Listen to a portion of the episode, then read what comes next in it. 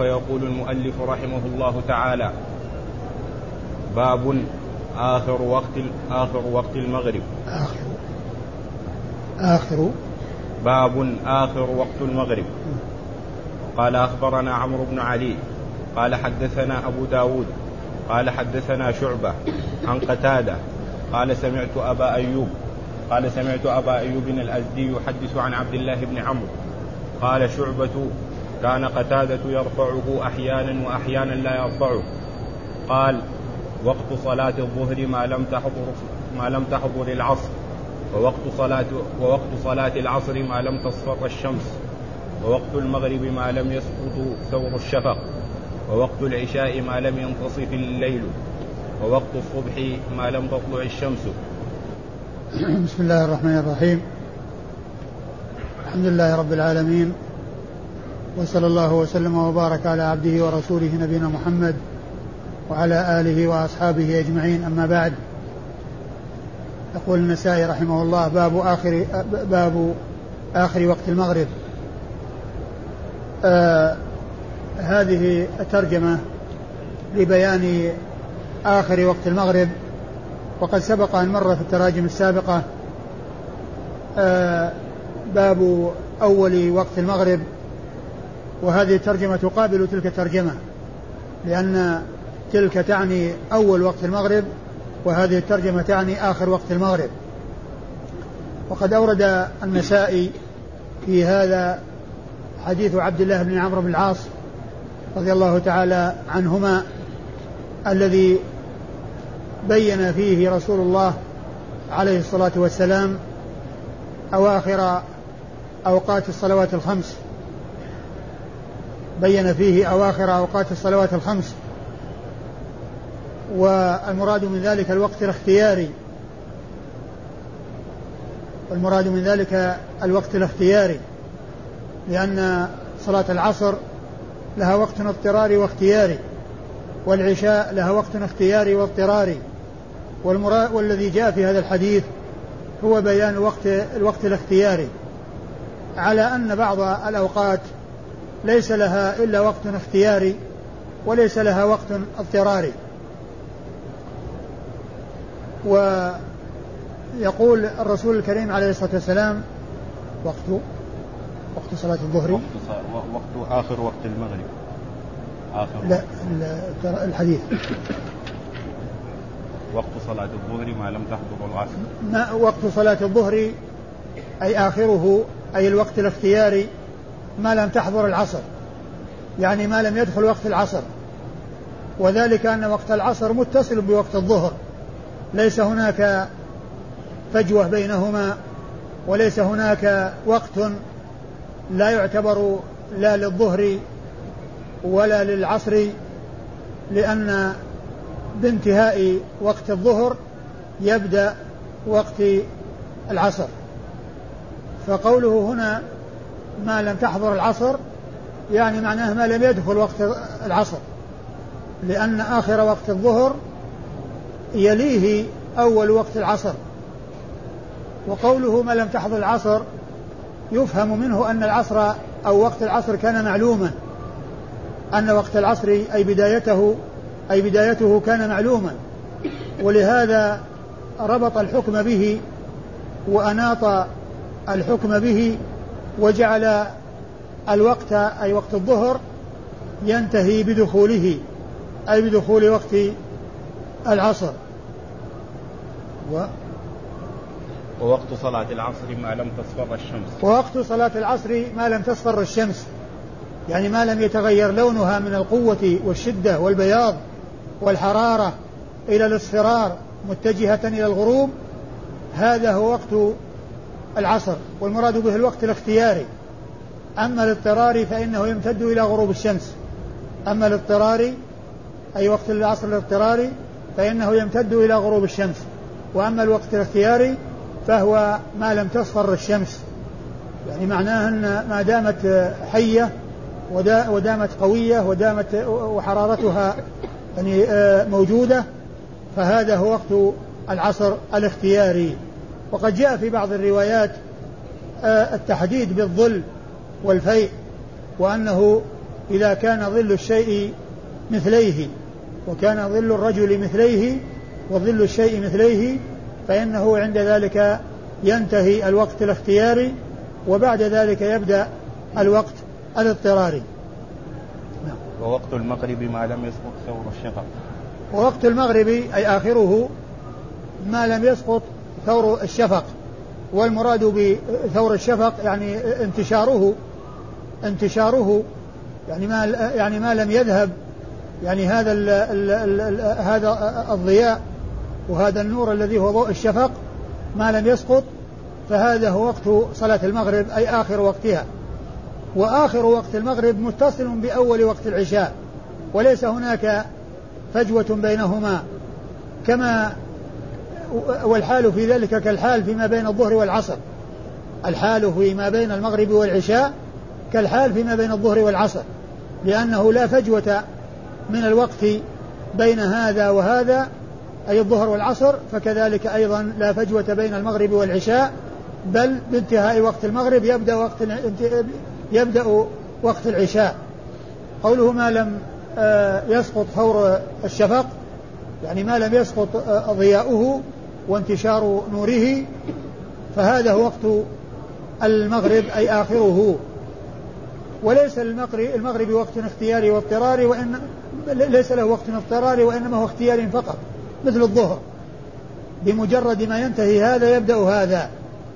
لكن من المعلوم أن الصلوات تصلى في أول وقتها وأن التساهل في تأخيرها قد يترتب عليه الفوات.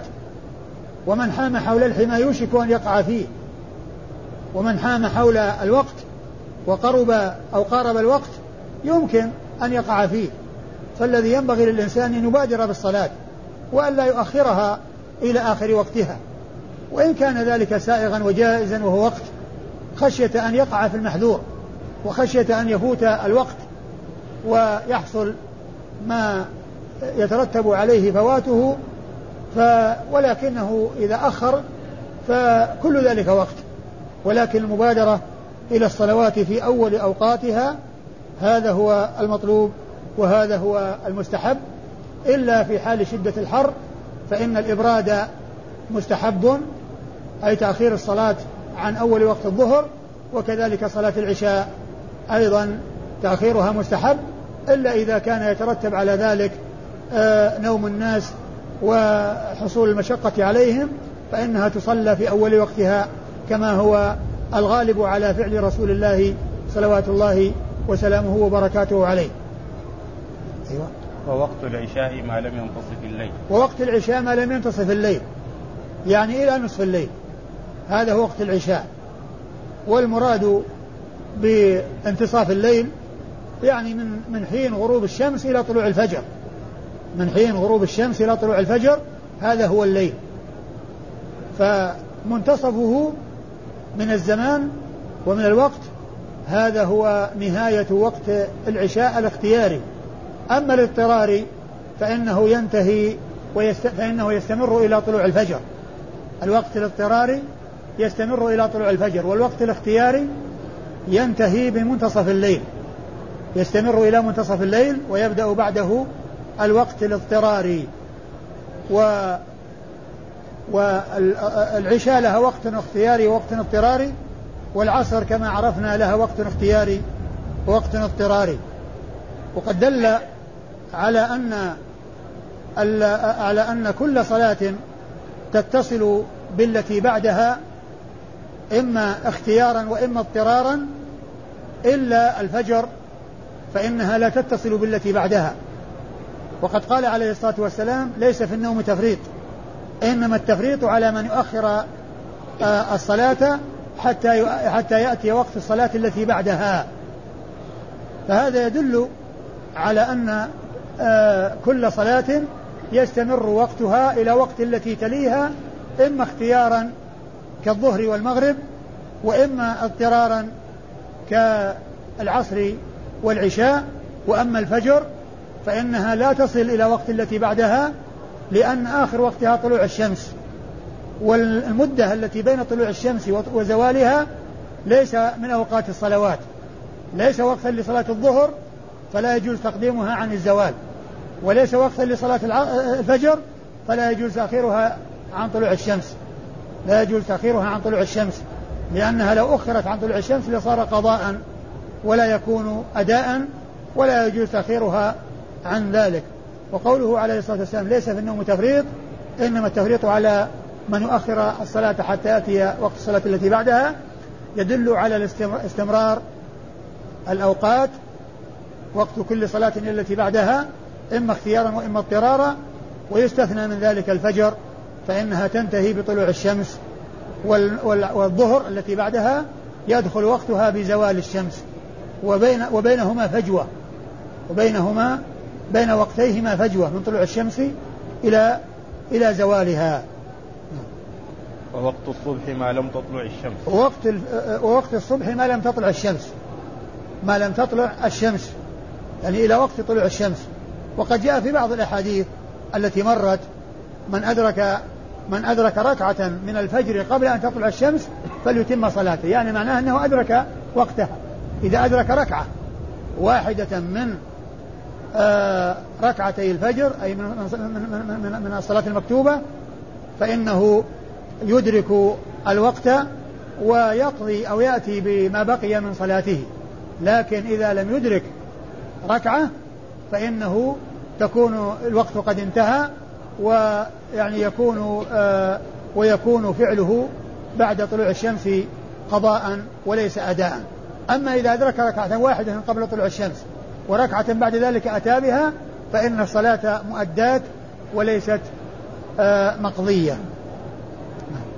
قال أخبرنا عمرو بن علي.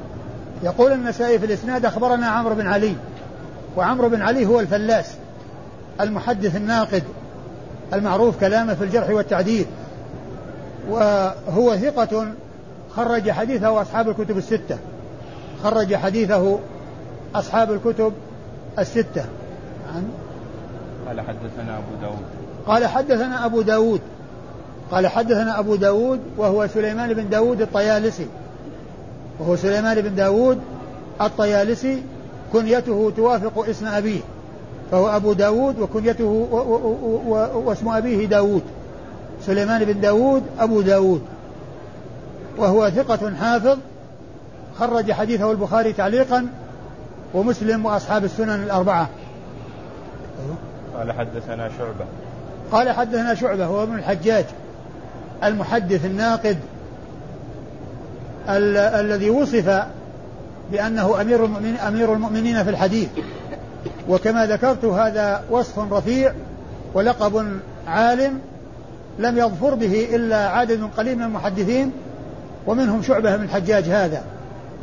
وحديثه خرجه أصحاب الكتب الستة. حديثه خرجه أصحاب الكتب الستة. عن قتادة. عن قتادة بن دعامة السدوسي. قتادة بن دعامة السدوسي البصري وهو ثقة خرج حديثه أصحاب الكتب الستة وهو مدلس. لكن المعروف عن قتادة عن شعبة أنه لا يروي عن شيوخه المدلسين إلا ما أمن تدليسه أمن تدليسهم فيه. وهذا وهذا من رواية شعبة عن قتادة. فإذا روى شعبة عن مدلس فإنه مأمون تدليس ذلك المدلس الذي هو شيخه لأن المعروف عن شعبة أنه لا يروي عن شيوخه المدلسين إلا ما صرحوا فيه بالسماع وما أمن تدليسهم فيه. أيوه. قال سمعت أبا أيوب الأزدي. قال سمعت أبا أيوب الأزدي. أبا أيوب أبو أيوب الأزدي قيل اسمه يحيى وقيل حبيب ابن مالك وهو ثقة خرج حديثه أصحاب الكتب الستة إلا الترمذي. خرج حديثه أصحاب الكتب الستة إلا الترمذي. يحدث عن عبد الله بن عمرو بن العاص رضي الله تعالى عنهما صاحب رسول الله صلى الله عليه وسلم والمعروف في كثرة الحديث عن رسول الله عليه الصلاة والسلام كما بين ذلك أبو هريرة رضي الله عنه وقال إنه كان يكتب وأبو هريرة لا يكتب وبين كثرة حديثه رضي الله تعالى عنه وأرضاه قال شعبة إن قتادة أحيانا يرفعه وأحيانا لا يرفعه. يعني أحيانا يقول فيه قال رسول الله يعني عن عبد الله بن عمرو قال رسول الله صلى الله عليه وسلم وأحيانا لا يرفعه يعني يقفه على عبد الله. يقفه على عبد الله بن عمرو بن العاص. يعني أحيانا يرفعه وأحيانا لا يرفعه. يعني أنه أحيانا يذكر فيه النبي صلى الله عليه وسلم فيكون مرفوعا وأحيانا لا يذكر فيه النبي عليه الصلاة والسلام وإنما يكتفي بذكر عبد الله بن عمرو بن العاص فيكون آه، موقوفا. وحديث عبد الله بن عمرو العاص أخرجه أصحاب الكتب الستة. حديث عبد الله بن عمرو بن العاص أخرجه أصحاب الكتب الستة.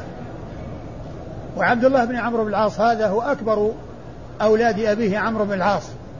وقد ذكروا في ترجمته وترجمة أبيه أنه آه أن أنه ولد لأبيه وعمره اثنتا عشرة سنة. يعني معناه أن عمرو بن العاص رضي الله تعالى عنه تزوج وهو صغير وولد له ابنه عبد الله وعمره اثنتا عشرة سنة. يعني عمر عمرو عمر عمرو بن العاص آه لما ولد له ابنه عبد الله اثنتا عشرة سنة. يعني وهذا فيه أن الإنسان قد يحتلم في زمن مبكر وأن البلوغ يحصل بحصول الاحتلام والإنزال. ولو كان في سن مبكر وإذا لم يحصل آه أسباب البلوغ أو علامة البلوغ فإنه يكون ببلوغ خمسة عشر, خمسة عشرة سنة. لكنه إذا وجد قبل ذلك ما يقتضي البلوغ يكون بالغا قبل الخمسة عشر خمسة عشرة. ولهذا عمرو بن العاص رضي الله عنه ولد له ابنه وهو وعمره اثنتا عشرة سنة.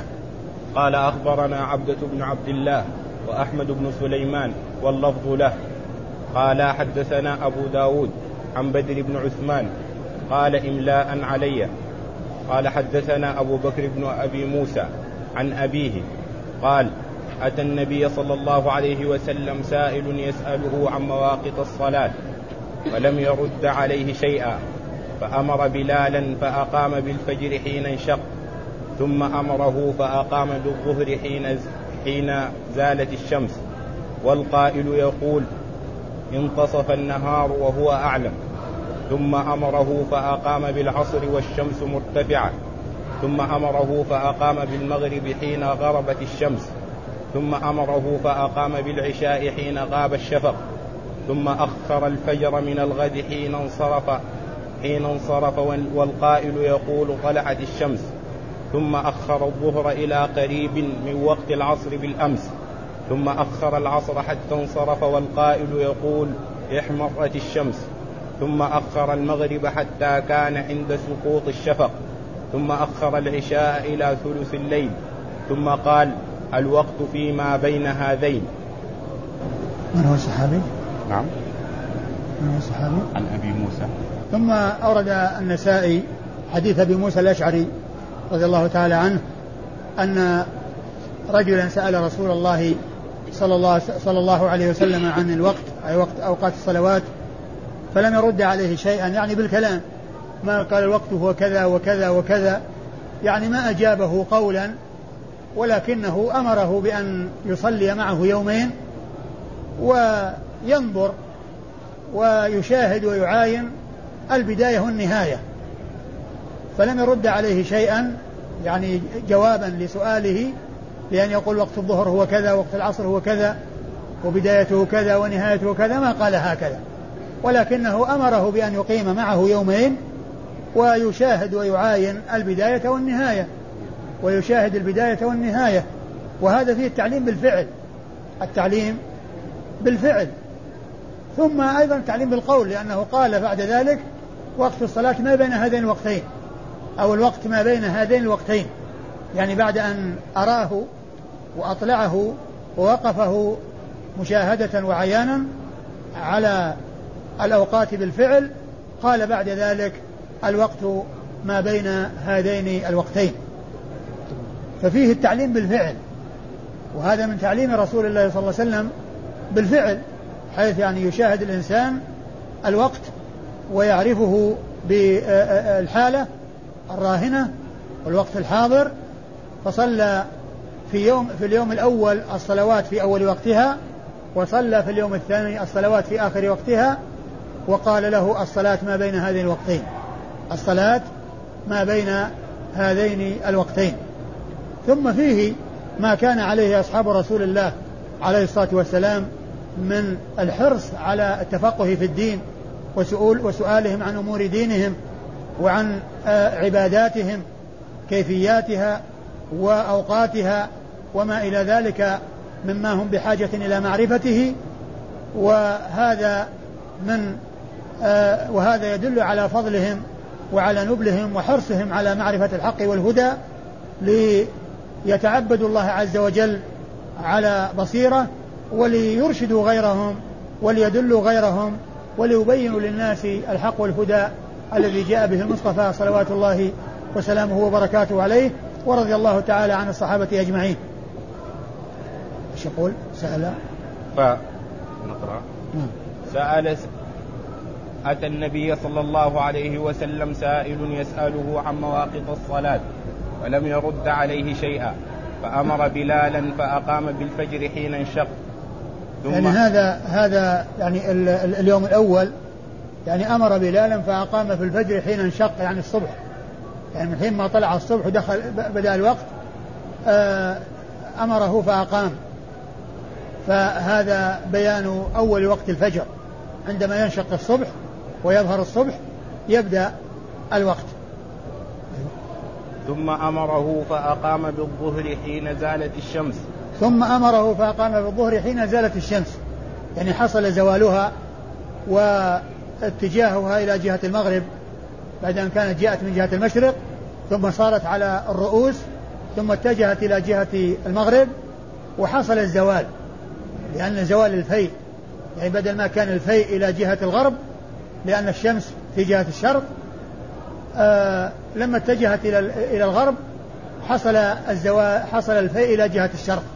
يعني وجد الشيء اليسير الذي يدل على أن الشمس ذهبت عن وسط الرؤوس وأنها مالت إلى جهة الغرب. والقائل والقائل يقول انتصف النهار وهو أعلم. والقائل يعني يقول انتصف النهار. يعني القائل من الناس الذين يعني صلوا معه يقول انتصف يعني هل انتصف النهار؟ يعني هذا كناية عن التبكير بها جدا. لأن يعني بعض الناس يقول هل انتصف النهار؟ يعني معناه لشدة التبكير بها. قال وهو أعلم يعني الرسول صلى الله عليه وسلم لما أمره بأن يقيم وكذلك بعد زوال الشمس يعني هو أعلم بأنه انتصف النهار وإن كان غيره يعني يقول هل انتصف ويستفهم هل انتصف النهار وذلك يعني إشارة إلى شدة التبكير. وذلك إشارة إلى شدة التبكير بها. ومعنى هذا أن أول وقت الظهر عندما تزول الشمس. أيوه. ثم أمره فأقام بالعصر والشمس مرتفعة. ثم أمره وأقام بالعصر والشمس مرتفعة. يعني معناه أن أنه لما يعني خرج خرج وقت الظهر والشمس حية وكان ظل كل شيء مثله أمره فأقام العصر. يعني في أول وقتها. الشمس مرتفعة يعني في السماء. ما مالت إلى إلى جهة الغروب واتجهت وذهبت إلى جهة الغروب كثيرا وإنما هي مرتفعة في السماء. يعني معناه في زمن مبكر. وهذا عندما يكون ظل الشيء مثله عندما يكون ظل الشيء مثله الشمس مرتفعة في السماء ما تمكنت من الذهاب إلى جهة المغرب. ثم أمره فأقام بالمغرب حين غربت الشمس. ثم أمره فأقام في المغرب حين غربت الشمس. وهذا هو أول وقتها. إذا غربت الشمس وغاب قرصها وذهب حاجبها الذي هو طرف قرصها الآخر الذي يبقى منها ويذهب أكثره فعند ذلك يبدأ وقت المغرب. فأمره أن يقيم المغرب حين غابت الشمس. أيوه. ثم أمره فأقام بالعشاء حين غاب الشفق. ثم أمره فأقام بالعشاء حين غاب الشفق. وهذا هو أول وقتها. حين غاب الشفق هو الضياء الذي يعني آه، يكون بعد غروب الشمس وكان في بعد ذلك اشتداد الظلام وشدته وقوته ولا ولم يبقى أي أثر للشفق وأثر للنور. وصار المغرب مثل المشرق كله سواء في الظلام الدامس آه وبهذا يعني وبهذه الصلوات انتهت انتهى اليوم الأول الذي صلى فيه الرسول صلى الله عليه وسلم الصلوات في أول وقتها. ثم بعد ذلك صلى في اليوم الثاني مع آخر الوقت. أيوه. ثم أخر الفجر من الغد حين انصرف والقائل يقول طلعت الشمس. ثم أخر الفجر ثم انصرف والقائل يقول طلعت الشمس يعني من شدة الضياء. يعني معناها أن الشمس أوشكت أن تطلع وهذا هو آخر وقتها اللي هو طلوع الشمس. يعني معناه أنه صلاها في آخر وقتها أو قريبا من آخر وقتها. ثم أخر الظهر إلى قريب من وقت العصر بالأمس. ثم أخر الظهر إلى قريب من وقت العصر بالأمس. وقت الظهر العصر أنه الشمس مرتفعة. يعني حين كان ظل الشيء مثل مثله فأخرها إلى آخر وقتها. ثم أخر العصر حتى انصرف والقائل يقول احمرت الشمس. ثم أخر العصر حتى انصرف والقائل يقول احمرت الشمس يعني تغير لونها. وبدل ما كانت آه، بيضاء واضحة يعني تغيرت إلى الاصفرار والإحمرار متجهة إلى الغروب وهذا هو الوقت نهاية الوقت الاختياري. هذا هذا المقصود به نهاية الوقت الاختياري. وأما الاضطراري فإنه إلى غروب الشمس. بل إن الإنسان إذا اضطر وأدرك ركعة قبل الغروب يضيف إليها ركعة ويكون أدرك الصلاة في وقتها. مثل الفجر إذا أدرك ركعة قبل طلوع الشمس يضيف إليها أخرى وقد أدرك الصلاة في وقتها. والمراد والمراد بذلك أي الذي معنا أنه ما لم تحمر الشمس يعني الوقت الاختياري أما الاضطراري فإنه يستمر إلى غروب الشمس.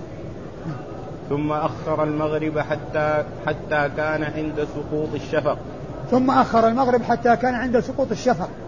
يعني عند نهاية وقت المغرب وعند دخول وقت العشاء قرب دخول وقت العشاء. يعني حيث سقط الشفق يعني ذهب البياض. الذي يكون بعد الغروب ويكون كما يعني كما هو واضح المشرق والمغرب كله سواء في الظلام الدامس. ثم أخر العشاء إلى ثلث الليل. ثم أخر العشاء إلى ثلث الليل. وقد جاء في بعض الروايات نصف الليل. والمعتبر هو النصف. والثلث داخل في النصف. والأحاديث ثبتت في النصف. فيكون هو نهاية الوقت الاختياري. هو نهاية الوقت الاختياري الذي هو النصف. ثم قال الوقت فيما بين هذين. ثم لما صلى في هذين اليومين اليوم الأول يصلي الصلوات الخمس في أوائل أوقاتها واليوم الثاني يصلي الصلوات الخمس في أواخر أوقاتها أي الأوقات الاختيارية فيما كان له وقت اختياري آه، له اختياري واضطراري في آخر الوقت الاختياري قال الصلاة ما بين هذين الوقتين. وفي هذا بيان بالقول بالإضافة إلى البيان بالفعل. لأن البيان بالفعل هو كونه يصلي والشمس ترى وال وهذه العلامات التي نصبها الله عز وجل شاهدها الإنسان ويعينها ثم قال له الصلاة ما بين هذين الوقتين. الصلاة يعني إذا فعلت بين هذين الوقتين فهذا هو وقتها. قال أخبرنا عبدة بن عبد الله. أخبرنا عبده بن عبد الله وأحمد بن سليمان واللفظ له. أحمد بن عبدة هو الصفار وهو ثقة خرج حديثه البخاري وأصحاب السنن الأربعة. ثقة خرج حديثه البخاري وأصحاب السنن الأربعة لم يخرج له مسلم شيئا. أما أحمد بن سليمان فهو الرهاوي وهو ثقة عابد خرج له النسائي وحده.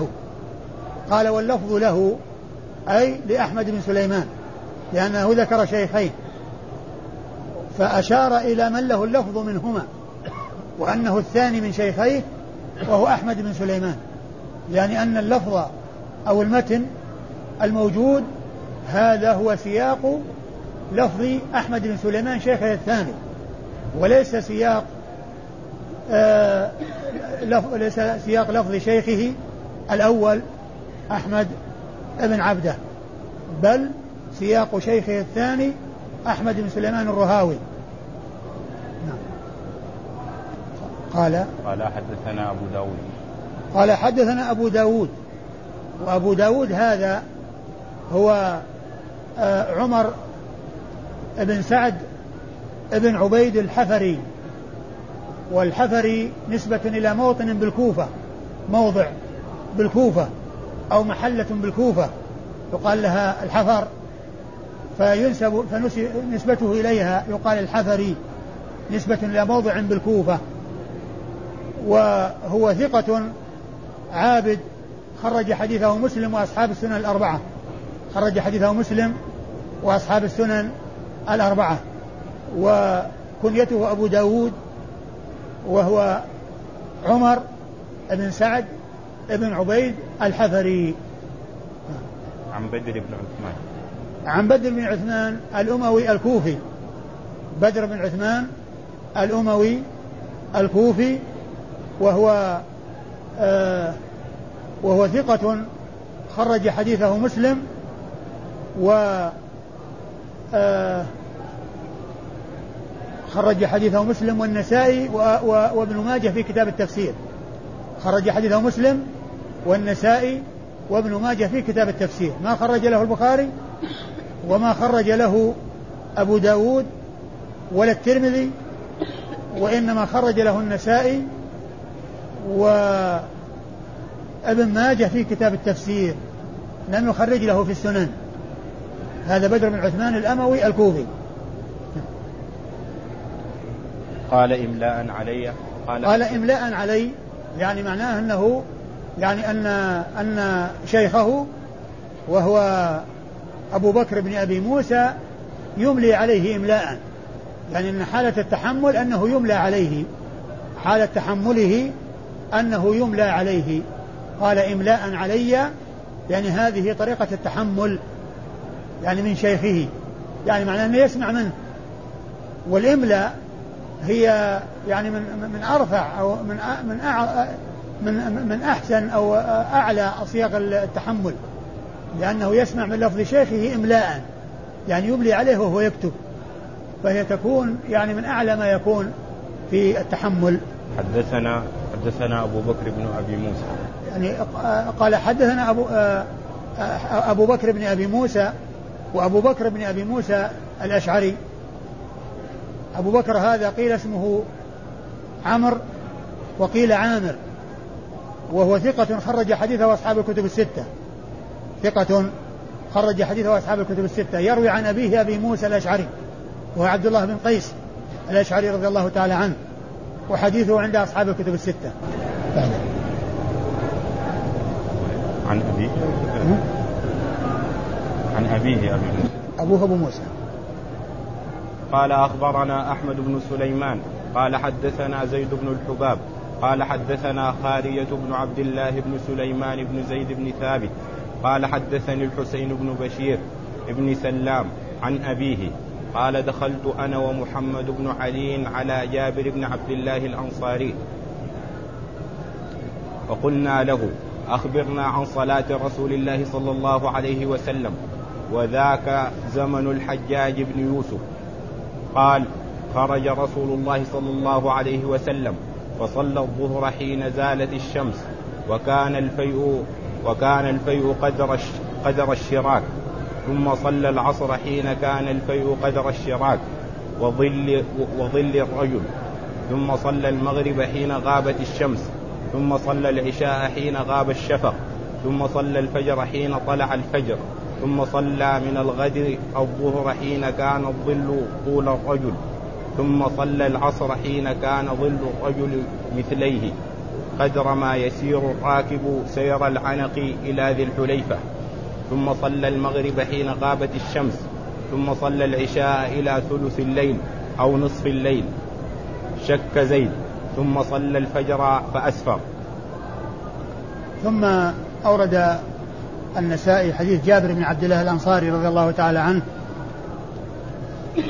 وفيه أن أن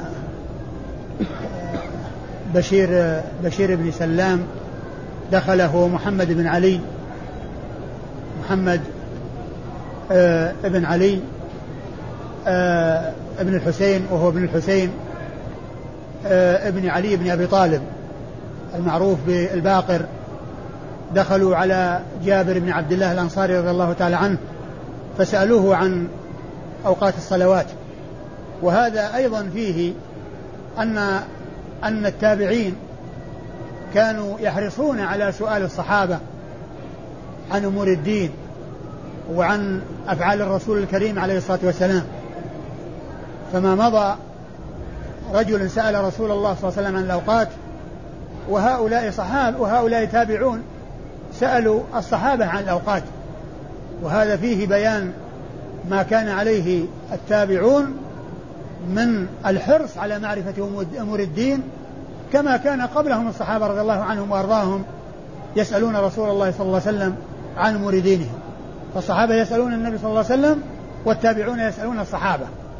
فهي سلسلة متصلة يسأل آه، آه، الكل معني في أمور دينه. والكل حريص على أمور دينه.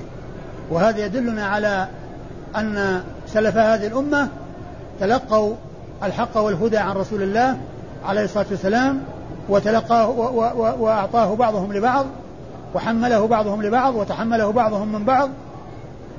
فإن في هذا الإسناد أو في هذا الحديث أن بشير بن سلام ومحمد بن علي بن الحسين الباقر سأل جابر بن عبد الله رضي الله تعالى عنه وهو صاحب رسول الله صلى الله عليه وسلم رضي الله تعالى عنه وعن الصحابة أجمعين.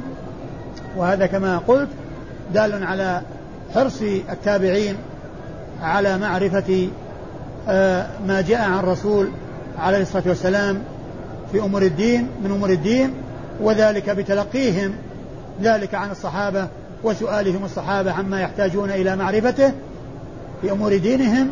لأن الصحابة هم الذين شاهدوا الرسول صلى الله عليه وسلم وتحملوا منه فكانوا يسألون الصحابة رضي الله تعالى عنهم وأرضاهم فقال قال جابر فقلنا له ها؟ أيوة. فقلنا له أخبرنا عن صلاة رسول الله صلى الله عليه وسلم وذاك زمن الحجاج بن يوسف. يعني هذا الوقت الذي سألوا فيه وقت في زمن الحجاج بن يوسف نعم. قال خرج رسول الله صلى الله عليه وسلم فصلى الظهر حين زالت الشمس. قال آه يعني آه يحكي قال جابر رضي الله عنه يحكي فعل رسول الله عليه الصلاة والسلام. قال خرج صلى الله عليه وسلم فصلى الظهر حين زالت الشمس. يعني في أول وقتها. حين زالت الشمس وكان أفضل مثل الشراك. وكان الفيء قدر الشراك. وكان الفيء قدر الشراك. الشراك هو شراك النعل. الذي يكون على على وجهها وعلى ظهرها يعني معناه هذا كناية عن عن عن صغر أو عن قلة آه، الفيء وأنه بمجرد ما حصل الفيء دخل وقت الظهر فصلاها رسول الله عليه الصلاة والسلام. يعني هذا فيه إشارة إلى التقليد وأنه يعني بمجرد يعني ما انكسر الفيء ووجد يعني آه، ظل يسير جدا إلى جهة المشرق بعد أن زالت الشمس إلى جهة المغرب. عند ذلك تحقق الزوال وذهبت الشمس عن الرؤوس واتجهت إلى جهة المغرب فوجد ظل يسير قدر الشراك. يعني يعني إشارة إلى قلته.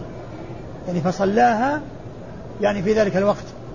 يعني عندما تحقق الزوال وحصل الفيء اليسير جدا الذي هو الظل. ثم صلى العصر حين كان الفيء قدر الشراك وظل الرجل. حين كان الشيء قدر الشراك وظل الرجل. يعني معناه يعني بعدما صار ظل الشيء مثله بعد دخول وقت الظهر عند ذلك يدخل وقت العصر. إذا كان ظل الشيء مثله بدأ وقت دخول بدأ وقت العصر وإلى أن يكون ظل الشيء مثله هذا هو نهاية وقت الظهر. أيوه. ثم ثم صلى المغرب حين غابت الشمس. ثم صلى المغرب حين غابت الشمس يعني أول وقتها. نعم. ثم صلى العشاء حين غاب الشفق. ثم صلى العشاء حين غاب الشفق يعني في أول وقتها. أيوة. ثم صلى الفجر حين طلع الفجر. ثم صلى الفجر حين طلع الفجر يعني في أول وقتها. يعني أخبر عن رسول الله صلى الله عليه وسلم أنه في يوم من الأيام صلى الصلوات في أوائل أوقاتها. نعم. ثم صلى من الغد ثم صلى من الغد الظهر حين كان الظل طول الرجل. ثم صلى الظهر من الغد يعني في اليوم الثاني حين كان الظل طول الرجل يعني حيث كان ظل الرجل مثله. يعني انتهى وقت الظهر يعني يعني هذا وقت نهاية الظهر هذا هو الوقت الذي انتهى فيه وقت الظهر. عندما يكون ظل الشيء مثله يعني معناه أنه يصليها في آخر وقتها وبعده مباشرة يدخل وقت العصر. ثم صلى العصر حين كان ظل الرجل مثليه. ثم صلى العصر حين كان ظل الشيء ظل الرجل مثليه. ظل الرجل مثليه. يعني مثل مرتين لأن الظهر وهذا يفيد تساوي وقت الظهر مع وقت العصر الاختياري. لأن أولا من من الزوال إلى يكون ظل الشيء مثله هذا وقت العصر الظهر. ثم من يكون مثله إلى مثله وقت العصر الاختياري. يعني معناه الوقت الاختياري يعني متساوي مع وقت الظهر مع مع وقت الظهر. لكن بعد أن يكون ظل الشيء مثله هو وقت اضطراري إلى غروب الشمس. قدر ما يسير الراكب سير العنق إلى ذي إلى إلى ذي الحليفة. قدر ما يسير الراكب آه العنق؟ سير العنق. سير العنق إلى ذي الحليفة. والعنق هو السير المتوسط لأن أنواع السير له أسماء. وقد جاء في الحديث في حجة الوداع أن النبي عليه الصلاة والسلام كان يسير العنق فإذا وجد فجوة نص يعني أسرع. يعني معناه كان يعني يسير العنق اللي هو نوع السير الذي ذكر الذي جاء في الحديث الذي معنا. يعني معناه أنه سير متوسط معتدل. فإذا وجد فجوة يعني آه يعني فجوة أمامه ما فيه زحام قدامه أسرع في هذه الفجوة. وهذا يسمى النص. يعني نوع نوع من السير اسمه النص وهو السريع. كان يسير العنق فإذا وجد فجوة نص. يعني كان يسير سيرا معتدلا حيث يكون الزحام فإذا وجد فجوة فجوة النص. وكان يوصي أصحابه رضي الله عنه وأرضاه. وهو في تلك الحال فيقول أيها الناس السكينة السكينة فليس البر بالإيضاع. يعني الإسراع. الإيضاع هو الإسراع. يعني أنهم إذا إذا حصل منهم إسراع يضر بعضهم بعض. وكان عليه الصلاة والسلام لا يسرع إلا إذا كان أمامه متسع ما يتضرر به أحد فكان يسير العنق فإذا وجد فجوة النص وكان يقول لأصحابه أيها الناس السكينة السكينة يعني عليكم بالسكينة في المشي فإنه ليس البر بالإيضاع يعني ليس البر بأن تسرعوا وإنما عليكم بالسكينة وهو المشي الهين الذي لا يترتب عليه مضرة ثم صلى المغرب حين غابت الشمس ثم ثم إيش؟ ثم صلى المغرب حين غابت الشمس. ثم صلى العشاء إلى ثلث الليل أو نصف الليل. شك زيد. ثم صلى المغرب. حين ها؟ حين غابت الشمس؟ أي حين غابت الشمس. يعني معناه إنه في أول وقت بس انه لأن في الأول غابت الشمس. وهنا حين غابت الشمس الأول. وهنا نعم وهنا الأول. أيوة. ثم صلى المغرب حين غابت الشمس. وهنا, وهنا ثم صلى المغرب حين غابت الشمس. حين غابت الشمس. يعني ما فيه يعني تحديد يعني الوقت بالنسبة للآخر. نعم. أيوة. ثم صلى العشاء إلى ثلث الليل أو نصف الليل. شك زيد. ثم صلى العشاء إلى نصف الليل أو ثلث الليل. شك زيد. هل قال النصف أو قال الثلث؟ لكن كما ذكرت فيما مضى صحت الأحاديث بالنصف فيكون هو نهاية الوقت الاختياري. والثلث داخل في النصف وقد جاء في بعض الأحاديث ذكر الثلث. حدثنا الحسين بن بشير حدثنا الحسين بن بشير بن سلام. والحسين بن بشير بن سلام مقبول خرج حديثه النسائي وحده. يروي عن أبيه بشير بن سلام وهو صدوق خرج حديثه النسائي وحده. وهو الذي دخل هو ومحمد بن علي بن الحسين المعروف بالباقر على جابر بن عبد الله الأنصاري رضي الله تعالى عنه وسألاه عن أوقات الصلوات كيف كان عن صلاة رسول الله عليه الصلاة والسلام. ومحمد بن علي ليس من الرواة في الإسناد هنا لأن الراوي هو بشير بن سلام. لأنه هو الذي يحكي وإنما كان هذا مرافق له وكانوا معا. فالذي في الإسناد من حيث الرواية هو هذا. أما محمد بن علي فليس له رواية في هذا الإسناد. وإنما ذكر على اعتبار أن السؤال ما كان منه وحده اللي هو بشير بن سلام وإنما كان منه ومن غيره. وذلك الغير هو محمد بن علي ابن الحسين. ومحمد بن علي بن الحسين يروي عن جعفر عن جابر بن عبد الله رضي الله تعالى عنه وهو الذي روى عنه كتاب عنه حديث حجة الوداع الحديث الطويل. الحديث الطويل حديث حجة الوداع هو من رواية محمد بن علي بن الحسين عن جابر بن عبد الله رضي الله عنه. فهو يروي عن جابر ولكنه في الحديث هنا ليس راويا وإنما ذكر وإنما ذكره الراوي أنه أن دخوله على جابر كان معه محمد بن علي بن الحسين. وجابر بن عبد الله الأنصاري رضي الله عنه هو أحد السبعة المكثرين من رواية الحديث عن رسول الله عليه الصلاة والسلام والذين زادت أحاديثهم على ألف حديث والذين ذكرهم السيوطي في ألفيته حيث قال والمكثرون في رواية الأثر أبو هريرة يليه بن عمر وأنس والبحر كالخدري وجابر وزوجة النبي. فجابر رضي الله عنه أحد السبعة المعروفين بكثرة الحديث عن رسول الله صلى الله عليه وسلم ورضي الله تعالى عن جابر وعن الصحابة أجمعين. باب كراهية كراهية النوم بعد صلاة المغرب.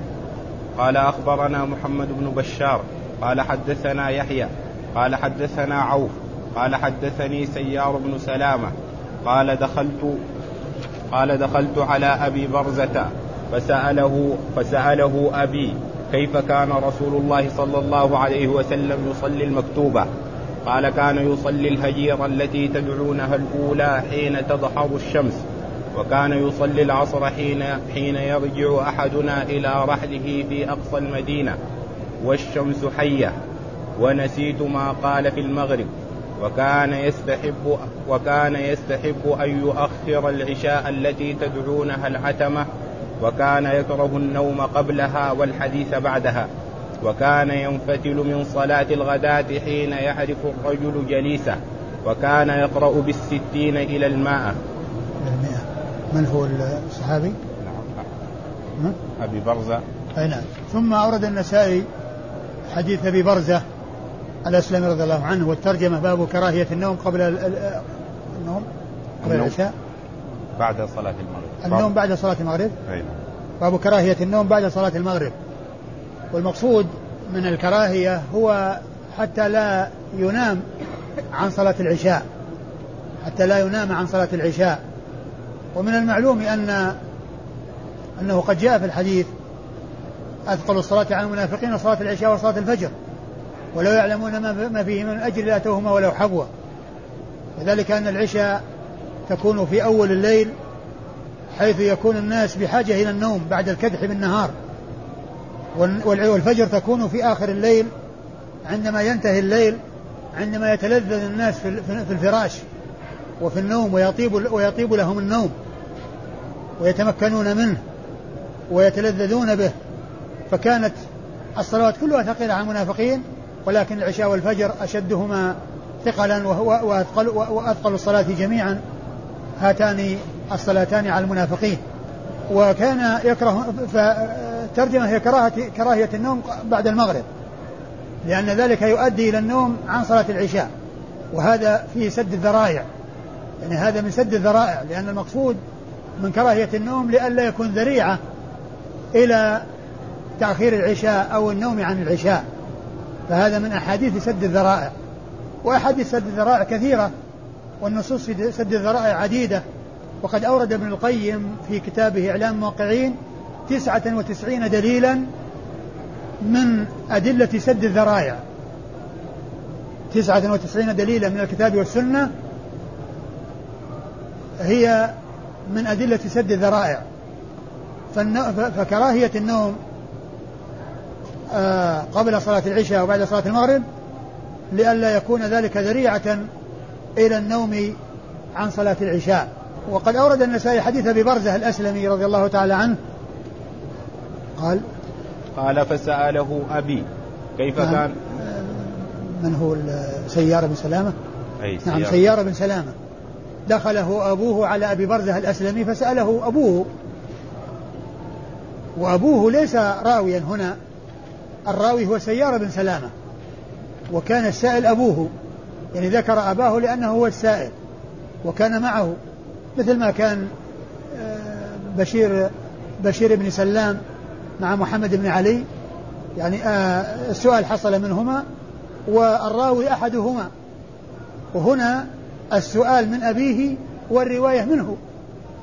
السؤال من أبيه والرواية منه لأنه كان مع أبيه ودخلوا هو ودخل هو وأبوه سل آآ آآ آآ سلام سل سيارة بن سلامة دخل مع أبوه سلامة على أبي برزة الأسلمي فسأله سلامة أبو سيار عن عن إيش؟ فسأله أبي كيف كان رسول الله صلى الله عليه وسلم يصلي المكتوبة. كيف كان كيف كان النبي صلى الله عليه وسلم يصلي المكتوبة؟ وهذا أيضا فيه ما في الذي قبله. من حرص التابعين على سؤال الصحابة عن أمور دينهم وعن أفعال رسول الله عليه الصلاة والسلام ففيه ما في الذي قبله. أيوة فقال. قال كان يصلي الهجير التي تدعونها الأولى قال كان يصلي الهجير والهجير هي الظهر لأنها تقع في الهاجرة يعني في منتصف النهار بعدما تزول الشمس. قال التي تدعونها الأولى. قيل إنها يقال لها الأولى لأنها أول صلاة في النهار.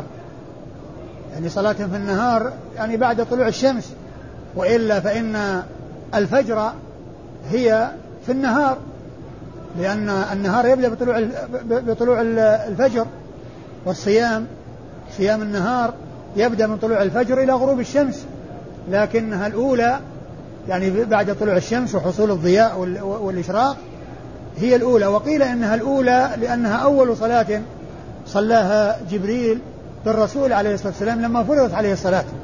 لما فرضت عليه الصلوات آه هي أول صلاة أول صلاة صلاها آه جبريل برسول الله عليه الصلاة والسلام.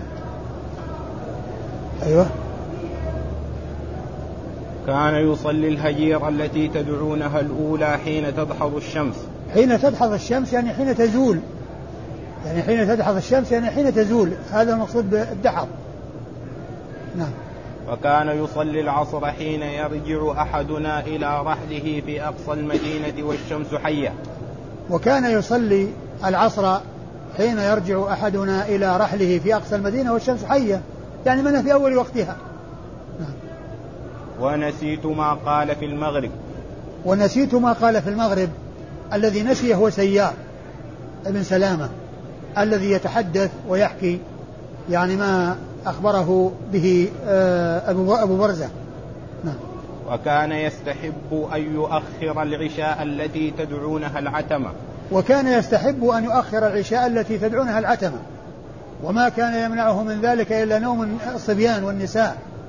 وكون الناس يعني يحصل لهم النوم.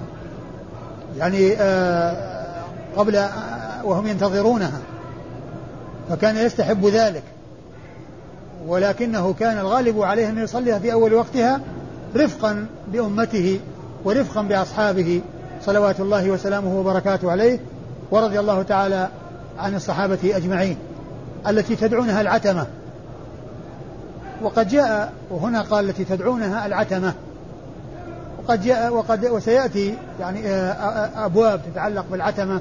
وأن أنه جاء في الأحاديث إطلاق العتمة عليها وأن الرسول أطلق عليها العتمة. وكان يكره النوم قبلها والحديث بعدها. وكان يكره النوم يعني قبل صلاة العشاء والحديث بعدها. كان يكره النوم قبلها لئلا يؤدي ذلك إلى النوم عنها والحديث بعدها لئلا يحصل السهر الذي يترتب عليه النوم عن صلاة الفجر. النوم عن صلاة الفجر. لكنه عليه الصلاة والسلام كان يفعل أحيانا وكان يسمر مع أبي بكر ومعه أبو بكر يعني في النظر في أمور الناس وفي أمور المسلمين عليه الصلاة والسلام. ولكن آآ آآ آآ هذا هو هديه وهذا هو الذي كان يستحبه فكان فكان الذي كان يكرهه كان يكره النوم قبلها والحديث بعدها. ولكنه كان يفعل أحيانا مع أبي بكر في بعض المصالح كان يسمر معه. وهذا يدل على أن السمر للحاجة لا بأس به لكن بشرط ألا يترتب عليه مضرة. ومن أعظم المضار التي تترتب عليه هو آه النوم عن صلاة الفجر. وكان ينفتح و وقد جاء أو قد مر في بعض الأحاديث قريبا أن أن جبريل عندما صلى بالرسول صلى الله عليه وسلم أنه لما صلى المغرب ناموا ثم قاموا ثم ناموا ثم قاموا ثم صلى العشاء. ومن المعلوم أن تلك الصلاة التي صلاها رسول الله صلاها جبريل بالرسول صلى في آخر الوقت ليبين له آخر الوقت. يعني فتلك يعني هذا النوم الذي قد حصل لا ينافي ما جاء من كون النبي, النبي يكره النوم قبلها أي قبل العشاء. وقد ناموا ثم قاموا ثم ناموا ثم قاموا لأنه صلى الصلاة في آخر وقتها ليبين للناس الأوقات. فتلك قضية ومرة حصلت لبيان أواخر الأوقات. فإذا لا ينافي ما جاء هنا من الكراهية. لا ينافي لأن هناك تلك الناس كانوا ناموا ثم قاموا ثم ناموا ثم قاموا ولم ولم يصلي ولم تحصل يحصل الصلاة بهم في العشاء يعني في آخر وقتها لبيان آخر الوقت. فتلك قضية كان المراد منها بيان آخر الوقت. فلا ينافي كونهم ناموا ثم قاموا ثم ناموا ثم قاموا. ما جاء في الحديث هنا من كونهم كان يكره النوم قبلها. وكان ينفتل من صلاة الغداة حين يعرف الرجل جليسه. وكان ينفتل من صلاة, من صلاة الغداة حين يعرف الرجل جليسه. يعني الذي بجنبه يصلي بجواره. ومن المعلوم أن أنه أنه, أنه, أنه يعني معناه أنه بغلس. يعني معناه أنه كان يصلي الصلاة في أول وقتها وكان يقرأ بالستين إلى المئة. وإذا فرغوا من الصلاة يعني الواحد يعرف جليسه. يعني معناه أنه حصل شيء من الضياء بحيث يعرف الواحد جليسه. وهذا يدل على التبكير آه، بالصلاة في أول وقتها. لأنه كان يصلي ويقرأ هذه آه، آه، الآيات الكثيرة وكان يرتل في قراءته عليه الصلاة والسلام. ومع ذلك يعني حصل الضياء الذي به يعرف الواحد جليسه. ما هو معناه ضياء واضح؟ يعني معناه الواحد يعرف ينظر إلى جليسه يعرفه. يعني من يعني حصل شيء من الضياء وليس الضياء الكامل. ومعنى هذا أن الرسول صلى الله عليه وسلم كان يصليها بغلس ويبكر بها أي الفجر وكان يقرأ بالستين إلى المئة يعني فيها في صلاة الفجر وهي الصلاة التي تطول فيها القراءة. فهي أقل الصلوات من ناحية العدد عدد الركعات ولكنها أطول الصلوات من حيث القراءة. رجال يا شيخ. ها؟ رجال ما تكلم إيش؟ نعم الرجال نعم أيوه هذا الرجال. قال أخبرنا محمد بن بشار. أخبرنا محمد بن بشار هو بن دار الملقب بن دار وهو ثقة خرج له أصحاب الكتب الستة بل هو شيخ لأصحاب الكتب الستة. كلهم رووا عنه مباشرة وبدون واسطة. وقد مر ذكره في الدرس الماضي وفي و و وكثيرا يعني ما يأتي ذكره. وقد مر ذكره بالأمس. يروي عن يحيى وهو يحيى بن سعيد القطان المحدث الناقد الثقة وحديثه خرجه أصحاب الكتب الستة. عن؟ عن عوف. عن عوف بن أبي جميلة الأعرابي وهو ثقة خرج حديثه أصحاب الكتب الستة. عن؟ قال حدثني سيار بن سلام. قال حدثني سيار بن سلامة الرياحي أبو المنهال وهو ثقة خرج حديثه أصحاب الكتب الستة. خرج حديثه أصحاب الكتب الستة. قال دخلت على قال دخلت على أبي برزة الأسلمي واسمه نضلة بن عبيد. نضلة ابن عبيد مشهور بكنيته أبو برزة وحديثه عند أصحاب الكتب الستة. فهذا الإسناد كل رجاله خرج حديثهم أصحاب الكتب الستة محمد بن بشار ويحيى بن سعيد القطان وعوف بن أبي جميلة الأعرابي وسيار بن سلامة الرياحي وأبو برزة الأسلمي. أبوه يا شيخ ما, من رجال لا أبوه ليس من رجال الإسناد سيار سلامة ليس من رجال الإسناد ولكنه آه، دخل هو وأبوه والسائل أبوه. وأبوه ليس من رجال الإسناد ما الذي ينبغي على المسلم أن يعتقده ويقوله في الحجاج بن يوسف وأمثاله؟ وهل وهل تجوز غيبته؟ الحجاج بن يوسف يعني كما هو معلوم مشهور بالظلم.